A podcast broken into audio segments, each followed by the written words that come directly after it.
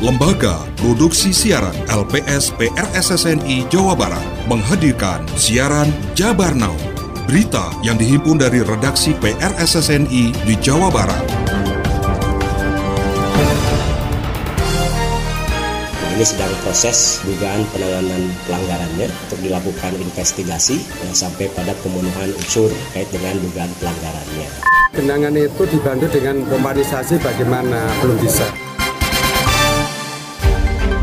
Jabar Now hari ini menyajikan sejumlah informasi di antaranya panitia tak profesional, peserta motor trail ngamuk dan bakar motor. Kirap merah putih dimeriahkan pembentangan bendera merah putih sepanjang 500 meter. Sudah 10 hari, ratusan rumah di Karawang terendam banjir. Inilah Jabar Now selengkapnya bersama saya Endrias Meidiawati.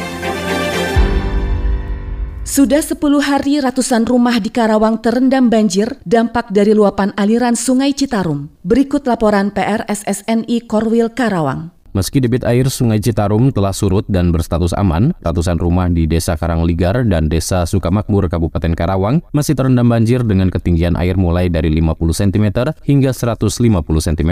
Berdasarkan data BPBD dan Dinas Sosial Kabupaten Karawang, hingga hari ke-10 masih ada 138 rumah yang terendam banjir dengan total 471 jiwa terdampak. Dikatakan oleh Ferry Muharam, selaku Kabit Kedaruratan dan Logistik BPBD Kabupaten Karawang, banjir yang tak kunjung surut tersebut disebabkan disebabkan karena intensitas hujan yang masih tinggi. Tadi saya sudah ngomong sama Pak Camat, Pak Kades, yang ketika genangan itu dibantu dengan pompanisasi bagaimana belum bisa. Karena selama ini Sungai Pici masih tinggi, artinya buangnya kita yang belum bisa.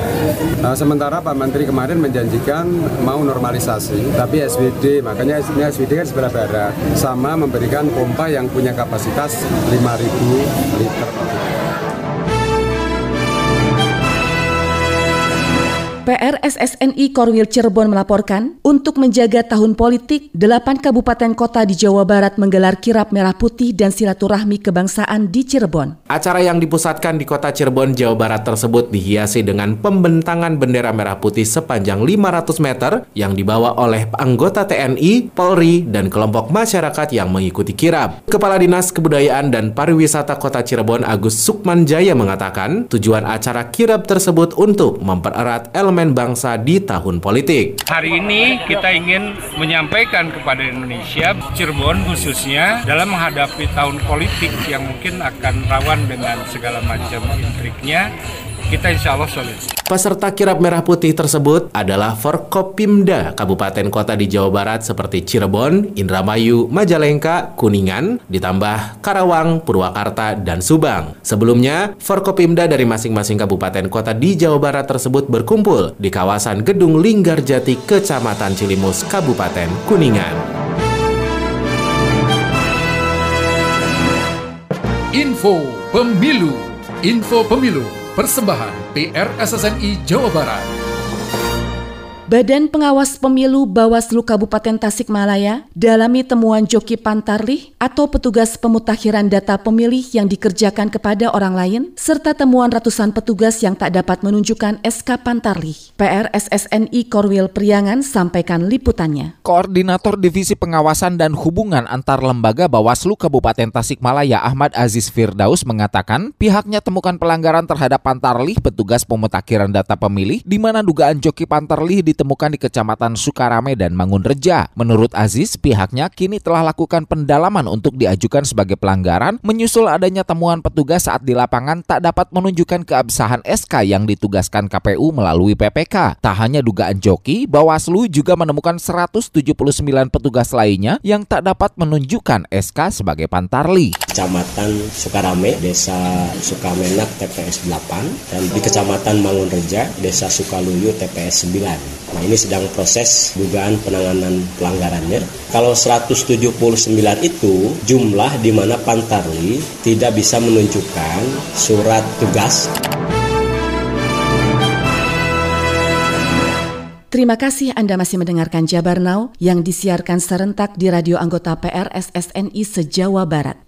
Saudara, seorang siswa sekolah dasar di Palabuhan Ratu Sukabumi harus meregang nyawa akibat sabetan senjata tajam yang dilakukan pelajar SMP akhir pekan lalu. Selengkapnya bersama PR SSNI Korwil Sukabumi. Kapolres Sukabumi AKBP Maruli Dede mengatakan motif pembacokan mereka mencari lawan pada saat melakukan konvoi bersama rekan-rekannya di wilayah Citepus Kabupaten Sukabumi. Ada sekelompok anak-anak usia sekolah konvoi bertemu dengan salah satu korban.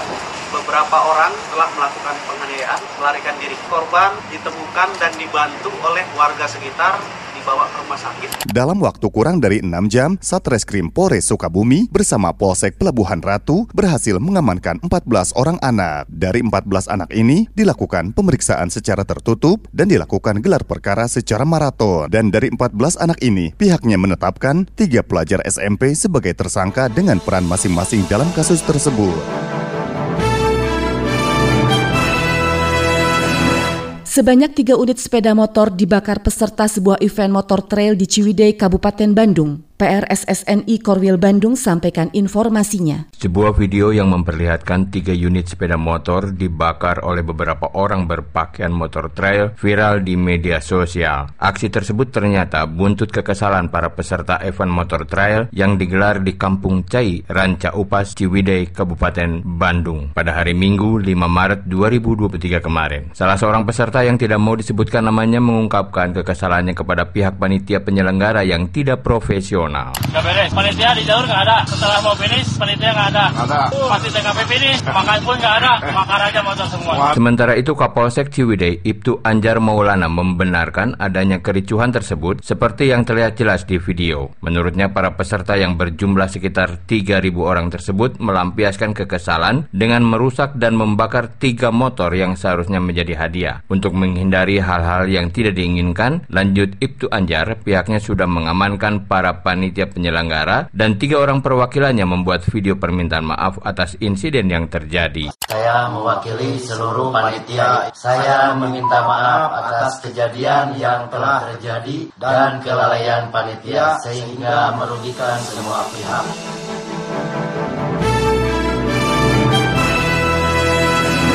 Dinas Pendidikan Kabupaten Bogor melaksanakan workshop implementasi kurikulum merdeka bagi guru-guru SMP di Kabupaten Bogor. Selengkapnya bersama PR SSNI Korwil Bogor. Kegiatan workshop gelombang 2 ini dibuka langsung Kabit Pembinaan SMP Disdik Kabupaten Bogor, Hendarsah. Kurikulum Merdeka ini dinilai cukup menantang bagi para guru karena setiap tenaga pengajar harus menguasai media dan medium belajar serba digital. Para guru juga harus mampu mengimbangi kecakapan digital anak didik dan mendampingi dalam literasi teknologi. Khususnya di bidang SMP, bidang kurikulum juga melaksanakan uh, bimbingan atau pelatihan workshop bagi para kepala sekolah. Tidak hanya mereka belajar dengan penimbasan, tapi juga kita memfasilitasi Workshop kurikulum merdeka ini diikuti 180 guru SMP yang dibagi menjadi dua tahap dan melibatkan lima narasumber yang memang berkompeten di bidangnya.